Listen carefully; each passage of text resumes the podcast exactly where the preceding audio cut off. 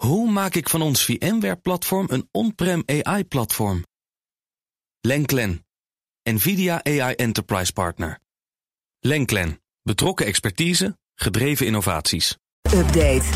En nou in studio Stijn Goosens. Stijn, goedemorgen. Goedemorgen. Apple had vannacht een speciale Halloween uh, ja, bijeenkomst met nieuwe Macs. Helemaal in thema.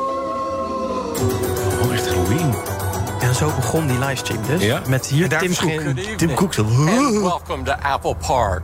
Nou, ik hoopte Tonight dus dat we're hij... doing something special to celebrate a product we all love. Met The pompoenen. Mac. De Mac. Nou, ik hoopte dus dat hij verkleed zou gaan als Ja. iets van Dracula of zo. Of, hij was eh, gewoon zichzelf, dus wel eng genoeg. Gewoon net een Maar is gelopen. hij- Nee. het enige wat hij had gedaan, hij was zwart gekleed. Maar het was wel mooi in thema gedaan. Ja, eh, En gistermiddag grapte mijn collega Joe nog in de tech-update... dat ik daar wel voor wakker zou blijven. Nou, normaal zijn Apples productpresentaties dus rond 7 Ja. uur Nederlandse tijd. Lekker met pizza of zo.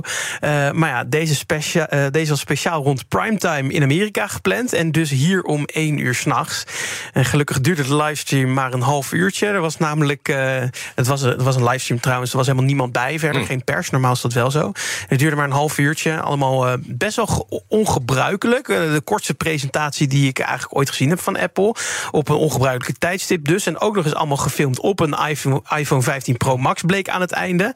Leuke marketingstunt natuurlijk. Maar ik ben er niet voor wakker Nee, toch niet. Ik wil toch even gezegd hebben. Jullie willen natuurlijk Ja, weten wat, wat, is, wat heeft hij gezegd? Ja. Nou, belangrijkste nieuwe desktop chips. De M3-chips van Apple. Dat eh, is eh, voor het eerst gebaseerd op de 3 nanometer architectuur.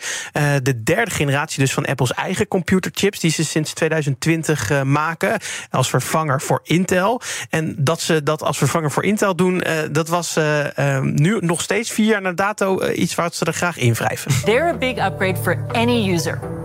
But for those users who haven't yet upgraded from Intel, the new MacBook Pro will change the game in every way. Ja. En je hoort Intel het al. is rommel, wat wij doen is beter. En je hoort het ook al, nieuwe MacBook Pro's dus hebben ze Ja, aangekondigd met die nieuwe chips. Het is trouwens een hele familie die ze aankondigen. Hè. Dus het is niet alleen de M3-chip, ze hebben ook dan de M3 Pro en de M3 Max. Het zijn eigenlijk net iets betere varianten van die M3-chip. ja, en die eerste M1-chip, dat is waar ze het vooral mee vergeleken. Want de, de e- eerste generatie is dat. Want de stap vanaf de M2 was niet groot genoeg. Dus ze dachten, laten we elke keer maar als we een vergelijking maken met hoeveel beter die is geworden, een vergelijken met de eerste generatie. Ja, ja. Dus de stap is niet super groot. Waar het vooral relevant voor is, is als je nou, ja, met grafische dingen bezig bent. Ja. of bijvoorbeeld met AI werkt. Dat noemen ze bij Apple graag machine learning in plaats van AI. Nou, die drie, er zijn dus drie nieuwe MacBook Pro's aangekondigd. Een 14 in, een 14 inch instapmodel met een normale chip dus. Eh, die is vanaf 2029 euro verkrijgbaar. Dan heeft hij waarschijnlijk geen geheugen. Nou, dan. Ja, nee, maar dat is vaak zo bij Apple. Dan betaal je echt betaal je de hoofdprijs voor een beetje geheugen. Ja, klopt. Ja, die komt met een basis van 8, 8 of 16 gigabyte eh, RAM eh, geheugen. En dan heb je eh, de- de 14 en 16 inch modellen met een Pro-chip. Eh, en die komen eh, met maximaal 38 gigabyte werkgeheugen. Dat is En een twee stuk filmpjes meer. tegelijk kijken. Oh, helemaal gek. Maar je betaalt al gauw meer. Want het maximale wat je, wat je kan uitgeven is een model, de, de, de 16-inch M3 eh, met een M3 Max chip.